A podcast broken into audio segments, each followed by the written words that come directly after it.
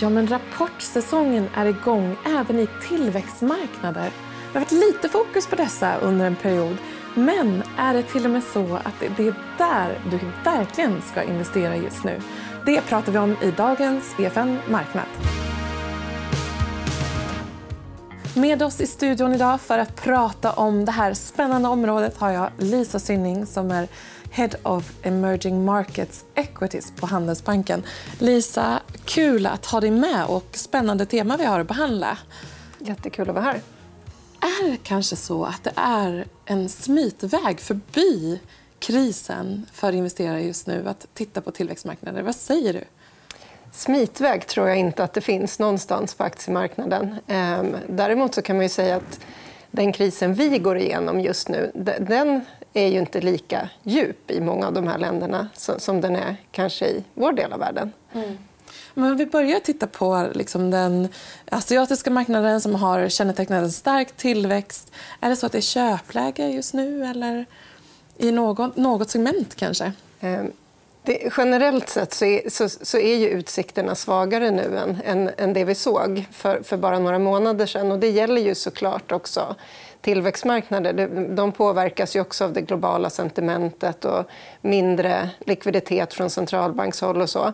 Sen tycker jag absolut att det finns segment i de här marknaderna som både levererar bra tillväxt men också har fått eh, väldigt låga värderingar. Så att vi, vi kan nog säkert börja närma oss ett köpläge på vissa håll. Det tror jag. Mm. Är det några, något speciellt du vill nämna? Någon bransch eller industri?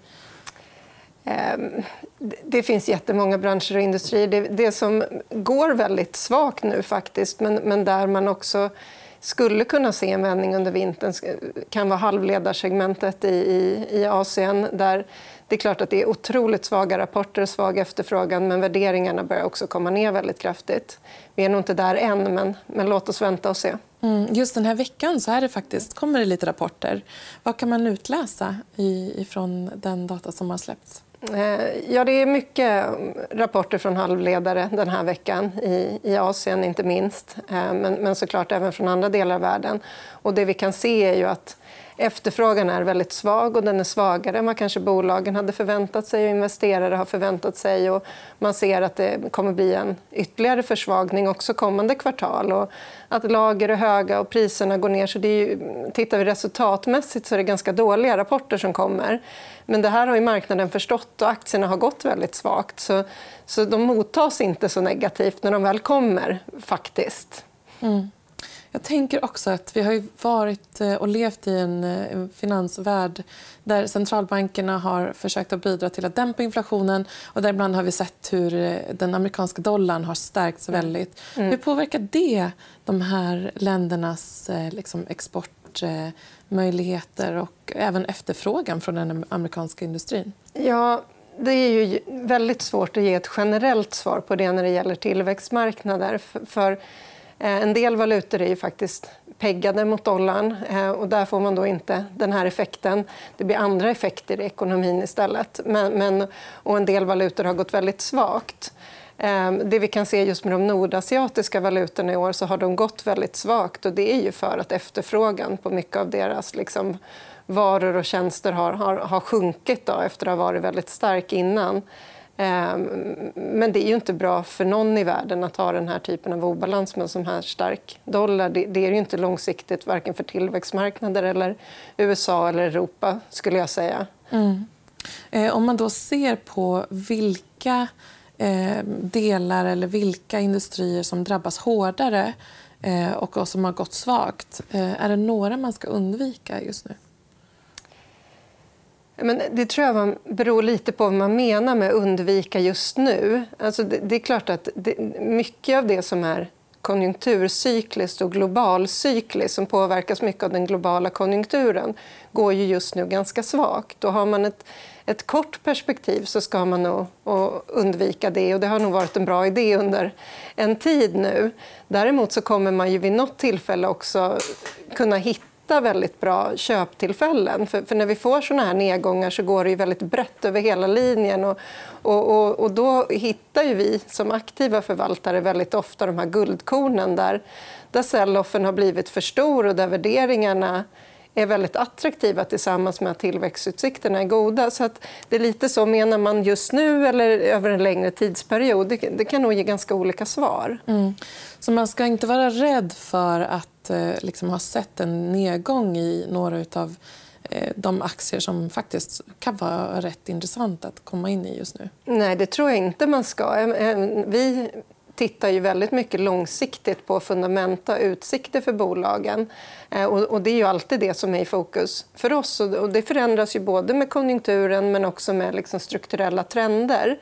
Eh, men det vi kan se i många av de här bolagen, eller en del av dem i alla fall, det är ju att den långsiktiga, de långsiktiga utsikterna är minst lika goda som tidigare men, men det konjunkturella trycker ner aktiepriserna och värderingen och såklart resultaten också. Men, men i såna här faser så tenderar aktiekursen att kanske gå ännu svagare än vad faktiskt resultaten egentligen motiverar. Och då, kan, då, då kan man ju hitta ett fantastiskt tillfälle att öka sin position. Mm. Ehm, så, så, nej, man ska nog inte vara så rädd för att titta tillbaka i såna här faser. En, en stor del av eh, tillväxtmarknader är ju Kina, Taiwan och så vidare. Och det syns även i portföljer mm. eller fonder som har en mm. inriktning mot, mm. mot tillväxt. Mm. Eh, hur eh, ser du på eh, att investeringar i den typen av marknader med anledning av mm. lite tuffare tongångar mm. eh, mellan länderna mm. och också eh, vad som sker utifrån mm. ett politiskt perspektiv. Ja. Nej, men absolut. Och tittar man på ett tillväxtmarknadsindex så, så är ju Kina en stor del. Eh, vi har investeringar i några kinesiska bolag i fonden, ganska selektivt. Och hur, hur ser vi på, på det som har hänt i, i Kina? Det, det, det är mycket som har förändrats de senaste åren. Och tittar man på vikterna i våra portföljer så har vi också väsentligt mycket mindre Kina nu än vad vi hade för några år sedan. Eh, och, och, det är möjligt att, vi kommer faktiskt att det kommer fortsätta se ut så. Eh, för, för, det är ju inte bara det politiska som stökar utan hela deras covid-policy, eh, där man har en nolltolerans, har ju drabbat ekonomin Eh, väldigt negativt. Eh, och, och, den typen av bolag som vi hade större investeringar i för några år sedan, framförallt eh, it-bolag eller eh, Tencent, Alibaba, e-commerce och, och, sociala medier. Eh, där har man ju drabbats av dels ökad konkurrens men också väldigt kraftiga regleringar som har gjort att de investeringarna är inte lika intressanta nu som de var för ett antal år sedan och kommer sannolikt inte bli det igen. Och då, så det är egentligen delvis den bolagsanalysen och, och, och den trenden vi ser där som har, gör att vi också är mindre positiva till den typen av investeringar. Som aktiva förvaltare har ju inte vi en jättebred portfölj av bolag utan vi har ganska få koncentrerade innehav mm. eh, som vi fokuserar på. Mm. Och då eh, kommer jag vidare till nästa fråga. Det är egentligen eh, liksom Taiwan, eh, halvledarindustrin mm. som du nämnde initialt i programmet. Mm.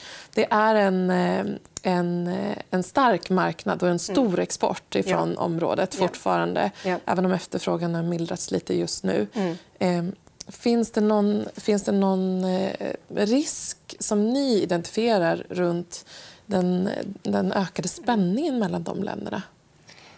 Det är klart att det finns en, en risk i Taiwan.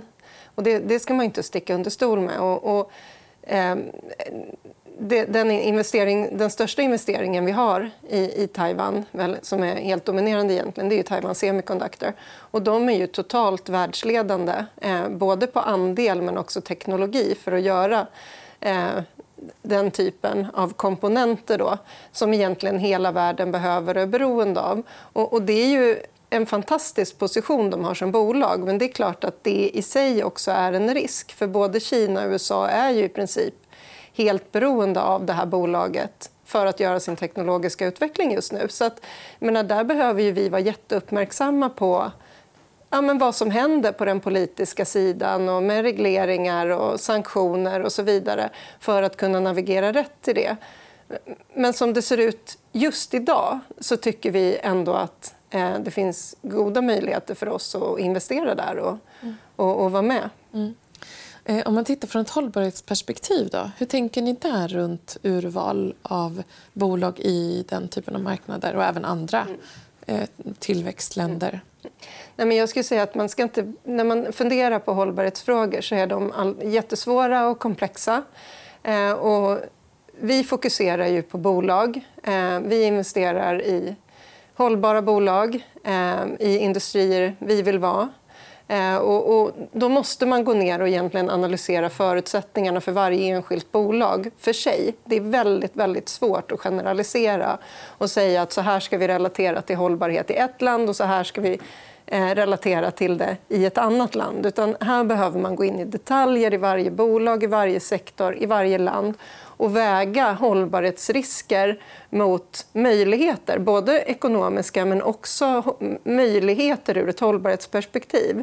För Det är så väldigt lätt, framförallt i tillväxtmarknader, att fokusera på en risk.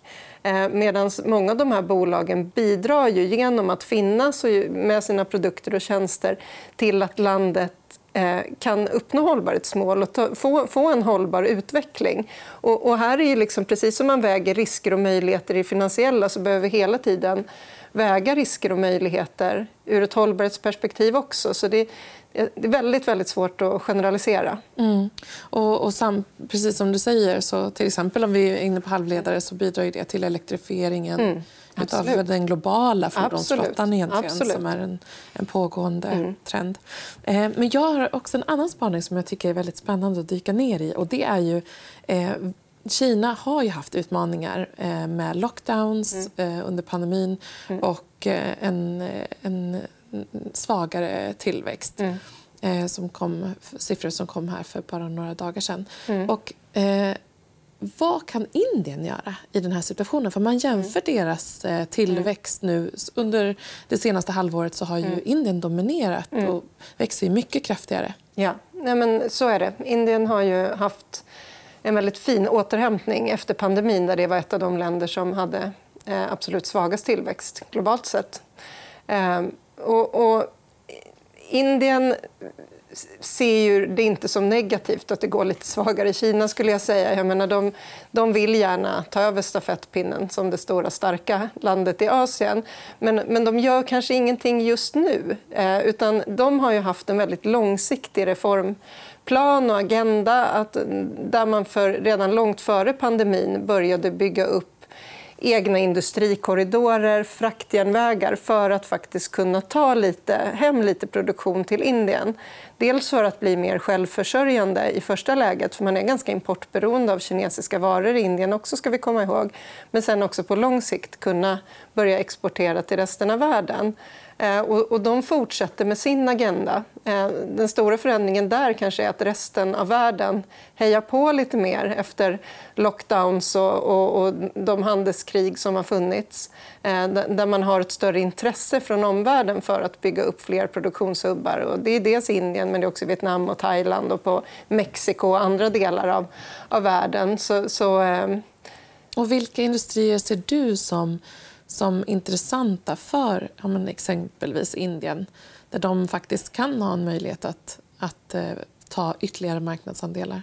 Ehm, det beror nog på vilket perspektiv man ställer den frågan ur. Om vi tittar på vilka industrier de kan tänkas bygga upp som ersätter import från Kina till den indiska marknaden så är det nog framför allt eh, att sätta ihop mobiltelefoner och teknologi, alltså den typen av industrier som de kan ta över. Sen, tror inte jag att det är den mest intressanta sektorn att investera i för oss. Utan där finns det ju eh, väldigt intressanta spel inom eh, bostadssektorn, finansiell inkludering där sparande och försäkringar går väldigt starkt. Eh, vi letar eh, efter bra investeringar i hälsovårdssektorn för de bygger ut sin hälsovårdsindustri eh, ganska kraftigt nu. Och, och, och, allt det här kommer sig av att de är i, en, i liksom ett steg i, i sin utvecklingsresa när man tittar på BNP per capita där det här brukar hända. Där vi har sett det här mönstret i massor med länder. Det är just när man är här som finansiella tjänster, som sjukvårdstjänster, som bostäder till fler och så vidare faktiskt tar av ordentligt. Och, och, och, det finns det tecken på att det kommer kunna göra Indien framöver också. Så där ska vi vara med. Mm. De har också eh, planer på hållbar eh, energiförsörjning. Mm. Eh, Hur ser deras liksom, fokus ut där och ja, vad är rimligt för dem att uppnå på det området? För det, energikrisen är ju global, så ja. är det ju nu. Energikrisen är ju global och det vet man ju i Indien också. Sen så var det ju ganska mycket rubriker kring Indien vid COP26 att de inte ville fasa ut kol utan fasa ner kol och att, de har en, att det ligger väldigt långt fram i tiden där de kan vara net zero och så vidare. Men, men de investerar ju väldigt mycket i förnybart, inte minst sol. Eh, så de bygger ju och har en långsiktig plan för det här.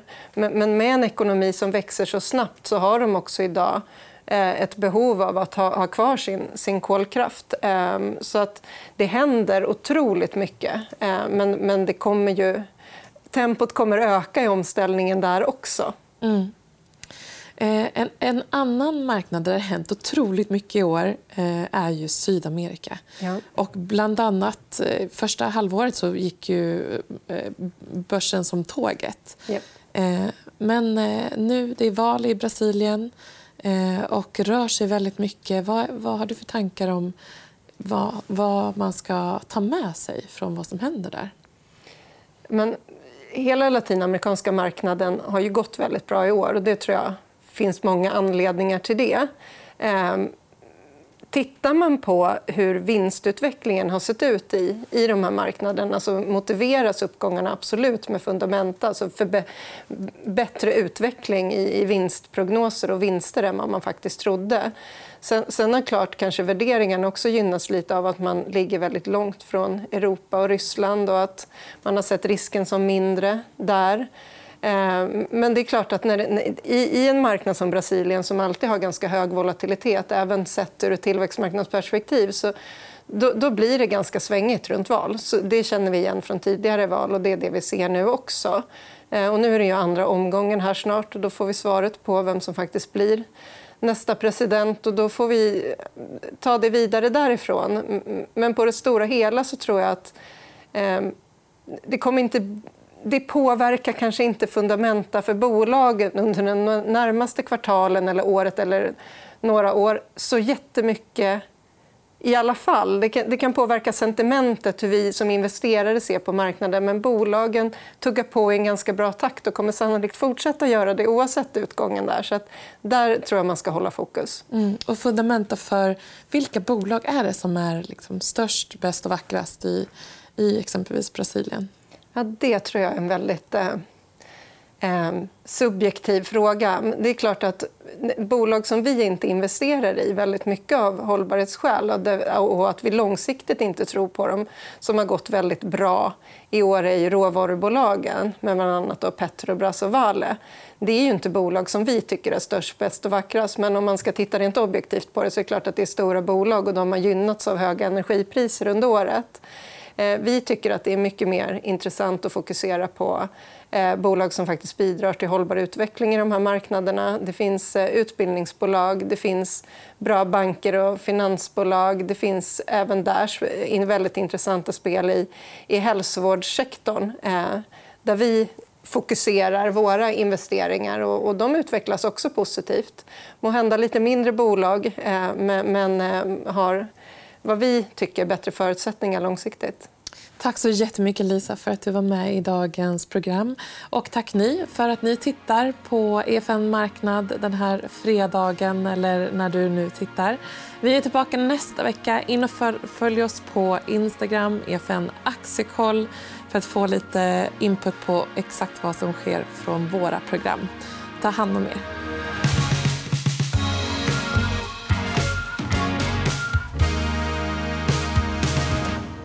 Du har lyssnat på EFN Marknad, en podd av EFN Ekonomikanalen.